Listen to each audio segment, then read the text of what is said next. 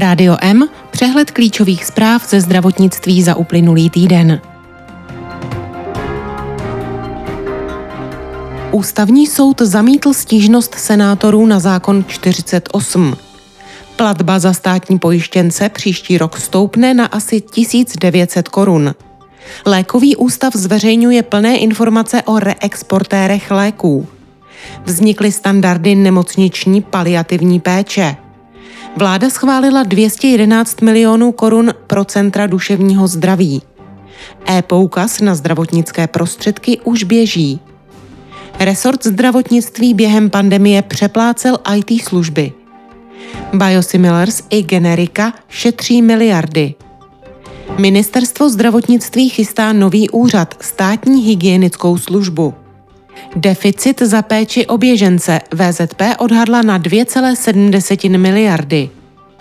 Do tří let chce Evropská unie sdílet zdravotnická data. K informacím o pacientovi se dostane lékař kdekoliv v Evropské unii. Dánsko končí s vakcinací proti covidu, je proočkované. Aspirin jako prevence infarktu a mrtvice u zdravých lidí nad 60 let není na místě.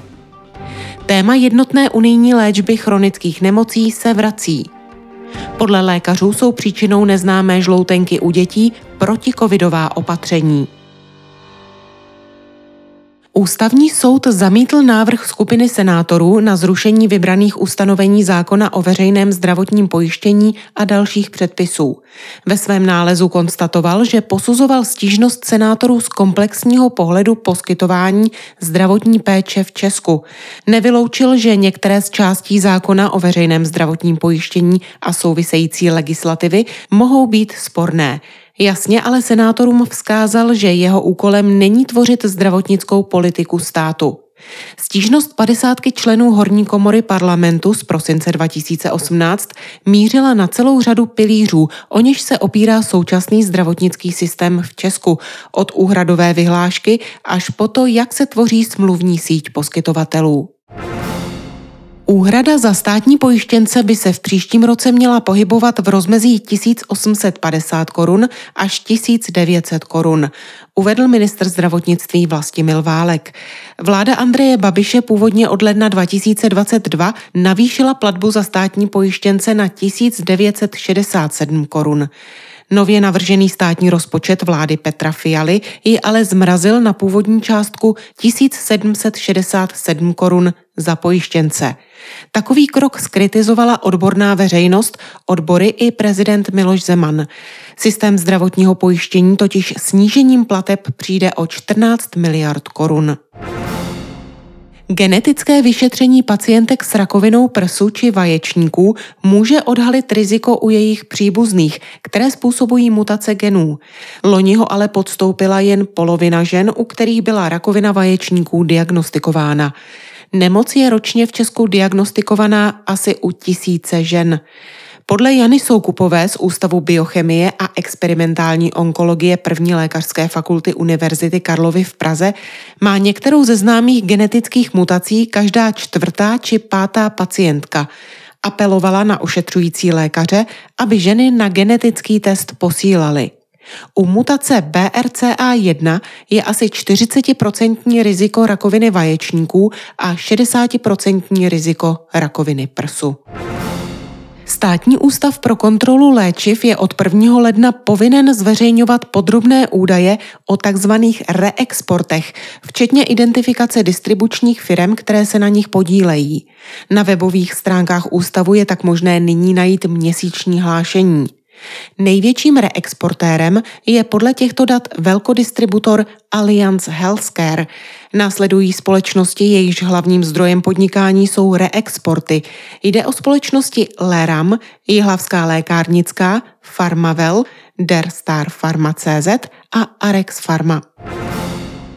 Odborníci vytvořili standardy pro poskytování paliativní péče o pacienty umírající v nemocnicích. Mohou pomoci i se zvýšením dostupnosti této péče. Zdravotní pojišťovny nemocnicím, které mají specializované paliativní týmy, od letošního roku vyplácejí bonusy. Ministerstvo zdravotnictví o výstupech pětiletého projektu informovalo v tiskové zprávě. Tým tvoří lékaři specializovaní na paliativu, zdravotní sestry, psychologové a sociální pracovníci.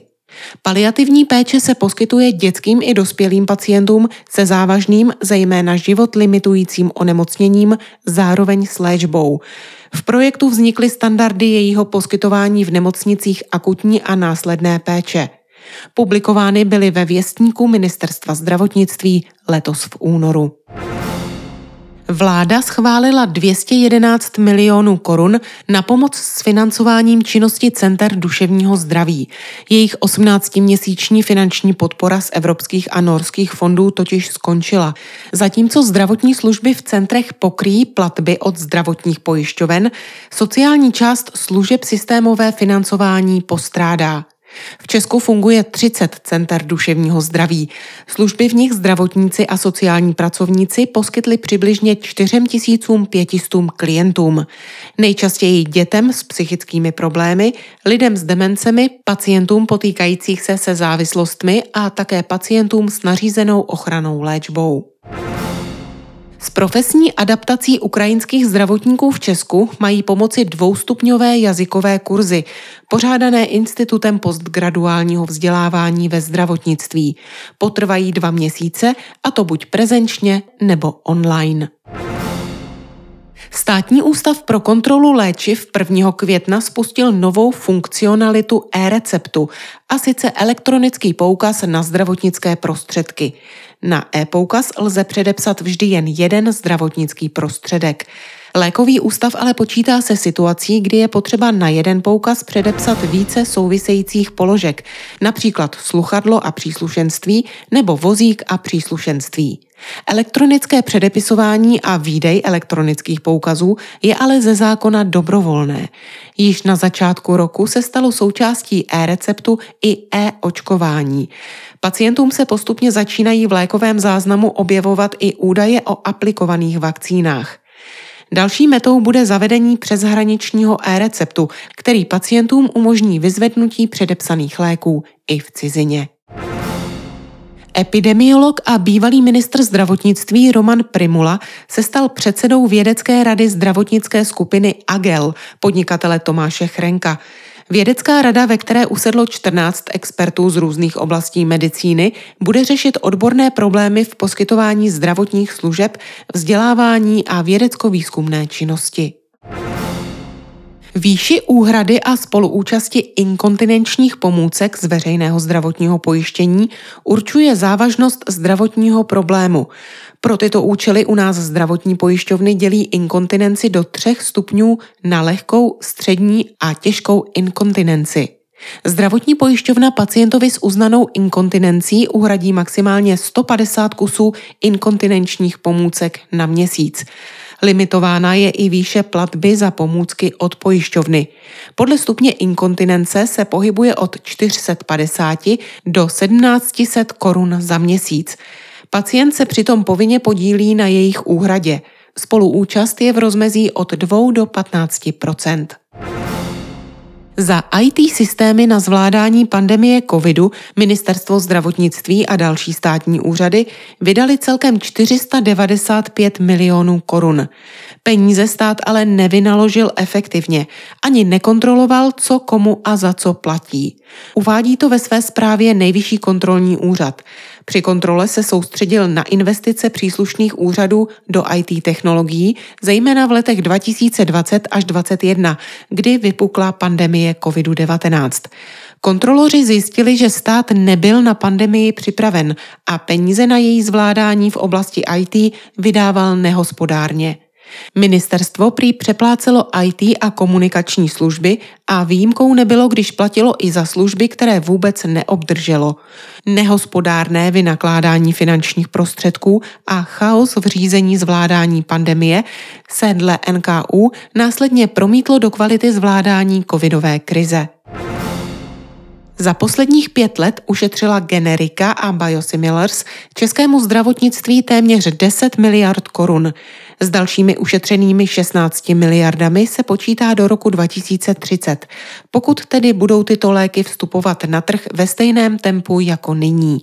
Očekávaná úspora 16 miliard korun platí pro 10 nejnákladnějších molekul, kterým v nadcházejících letech postupně uplyne patentová ochrana. Uvedl to státní ústav pro kontrolu léčiv. Vedení fakultní nemocnice Brno se 1. května ujal Ivo Rovný. Ve funkci nahradil Jaroslava Štěrbu. Rovný je profesí chirurg s manažerskými zkušenostmi. Reforma krajských hygienických stanic zavádí nový úřad zvaný státní hygienická služba. Podřízeným mu budou krajské hygieny. Změnu přináší ministerstvem zdravotnictví navrhovaná novela zákona o ochraně veřejného zdraví. Závazné metodické pokyny pro krajské hygienické stanice skrze jeden úřad má vést především k zefektivnění stávajícího režimu a k propojení jednotlivých středisek. Novela počítá se zachováním 14 hygienických stanic, jež budou kopírovat stávající krajská zařízení. Plně zachována zůstanou i současná odborná pracovní místa. Zdravotní péče o běžence z Ukrajiny, registrované u Všeobecné zdravotní pojišťovny, by letos mohla výjít na zhruba 7 miliard korun. Na straně příjmů pojišťovna počítá se 4,4 desetinami miliardy korun. Výsledkem tedy bude deficit rozpočtu ve výši 2,7 miliardy korun. Podle zástupců pojišťovny ale tento schodek rozpočet pojišťovny neohrozí. V letošním roce pojišťovna počítá maximálně s 360 tisíci pojištěnců z Ukrajiny. Podle odhadu 90% z registrovaných ukrajinských běženců se trvá v kategorii státních pojištěnců.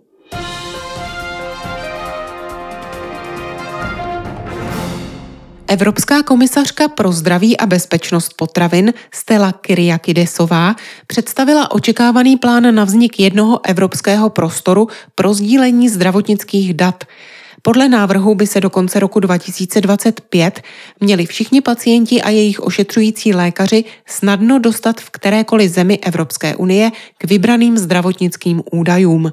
Zároveň by měl vzniknout důvěryhodný rámec pro zprávu a sekundární využívání velkých objemů anonymizovaných dat pro výzkum, inovace i tvorbu zdravotnických politik. To vše za dodržení přísných pravidel na ochranu soukromí a osobních údajů. Dánsko vůbec jako první země oznámilo, že od poloviny května zastaví plošné očkování proti COVID-19. Dvě dávky očkování v zemi dostalo 90% osob starších 12 let. Zhruba tři čtvrtiny dospělých mají i posilovací dávku. Slušně pro očkování jsou i děti od 5 do 11 let. Navíc je epidemická situace v zemi příznivá. Aspirin, kyselina acetylsalicylová, se dlouhá léta doporučoval jako prevence před infarktem či mrtvicí. Nová odborná doporučení ovšem od tohoto postupu u lidí přes 60 let, kteří zatím žádnou kardiovaskulární příhodu neměli, odrazují. Rizika související s krvácením se totiž vyrovnají benefitům. Aspirin jako prevence ovšem stále zůstává ve hře u mladších pacientů s vyšším rizikem kardiovaskulárního onemocnění nebo u těch, kdo již infarkt či mrtvici prodělali. Evropská unie se vrací ke svému plánu na léčbu nepřenosných nemocí na unijní úrovni. Nejnovější unijní rozpočet počítá s obrovskou sumou peněz, rekordních 5 miliard eur pro příštích sedm let na evropské zdravotnictví. Část z nich půjde právě na jednotné evropské plány léčby chronických nemocí, jako jsou diabetes, kardiovaskulární nemoci, demence a rakovina.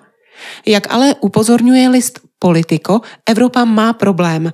Neví přesně, jak společnou unijní zdravotní politiku uchopit. Zdravotní systémy v Evropě se totiž často odlišují. Nejednotnost panuje také v kvalitě jednotlivých oborů. Závažné záněty jater u malých dětí od počátku letošního dubna postupně potvrzují zdravotní úřady v Evropě i po celém světě. Aktuálně evidují v centrálním systému okolo 200 případů. Informovalo o tom Evropské středisko pro prevenci a kontrolu nemocí. Současně uvádí, že příčinu onemocnění odborníci zatím přesně neznají. Někteří z lékařů se domnívají, že žloutenka může mít souvislost i s oslabenou imunitou, způsobenou častými lockdowny a protikovidovými opatřeními v minulých letech. Britská agentura pro zdravotní bezpečnost se domnívá, že akutní forma žloutenky u malých dětí pravděpodobně souvisí s nákazou adenoviry. Ty u dětí obvykle vyvolávají respirační onemocnění. Tolik zprávy, které připravila Marcela Alfeldy Šperkerová. Naslyšenou příště se od mikrofonu těší Marcela Žižková.